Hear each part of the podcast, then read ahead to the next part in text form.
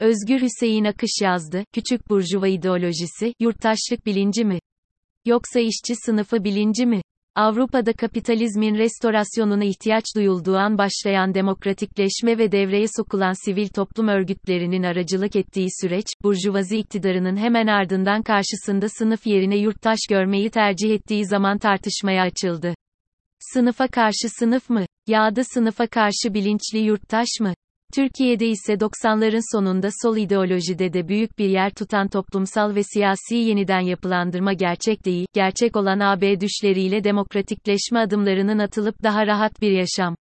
Özal dönemiyle başlayıp susurluk olaylarından sonra da devam eden gelişmeler solunda aklına yatmıştı.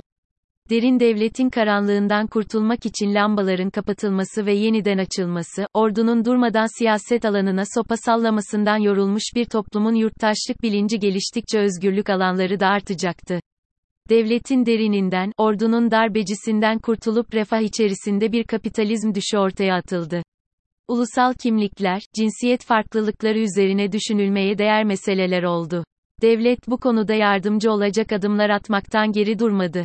Türkiye'de Kürtlerin, Ermenilerin ve diğer uluslara ait insanların en temel hakkı olan ana dilleri büyük bir baskıya maruz bırakıldı. Tek dil dayatması Cumhuriyet tarihinin tamamında mevcut. Kürtlerin başlattığı Ulusal Kurtuluş Savaşı sonucunda devletin köy boşaltmalar dahil bir sürü yapmış olduğu zulüm belleklerdeki yerini aldı.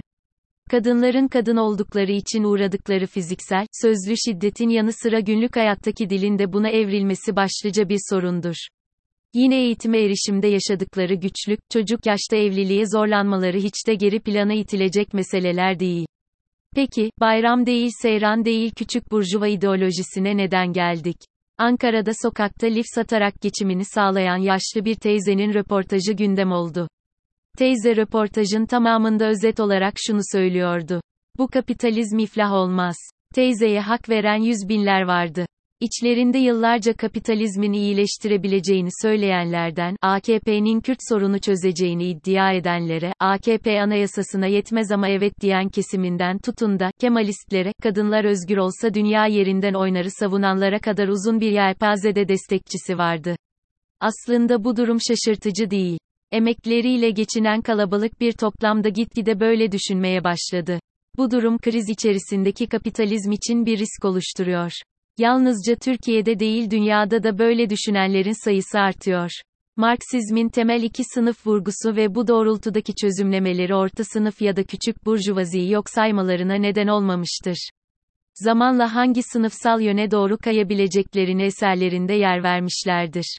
İngiltere'de emekçi sınıfların durumu üzerine Engels'in eserinde, Burjuva devrimlerinden sonra eskide kalmaya başlayacak köylülük, toprak sahipliği, zanaatkarlar ve benzeri. Ya bir üst sınıfa yani burjuvaya dönüşecekler ya da işçi sınıfının bir parçası olacaklar. Bu tespit o dönem için erken ama gerçekliği zamanla sınanmıştır.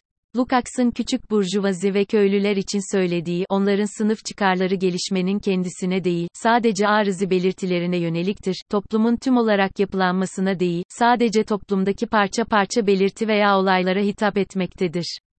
Sovyetler Birliği'nin çözülüşüyle işçi sınıfı eskide kalmıştır, yerini kimlikler almıştır ısrarı, küçük burjuvazinin köklü değişimlere karşı hep bir tedirginlik içerisinde tutum takınması, sadece belli başlı olaylara duyarlılık göstermesi, işçi sınıfına da bunu dayatmak istemesi, bugün bu konuyu tartışmak istememe neden oldu.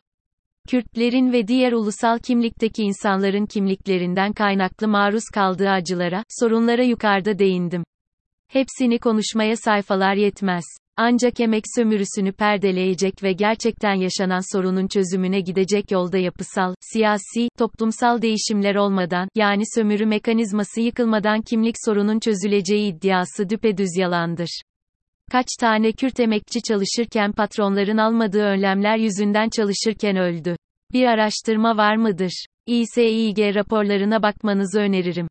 Özellikle inşaat sektöründe kaç tane işçi alınmayan tedbirler nedeniyle ölüyor.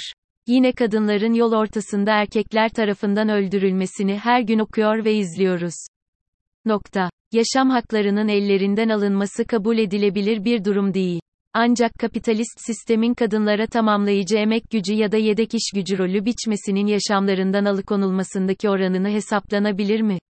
Toplumsal yaşamda dinin yol göstericiliği ve iktidarların bunu tercih ediyor olmasının yani gericiliğin kadın cinayetlerindeki rolü nedir?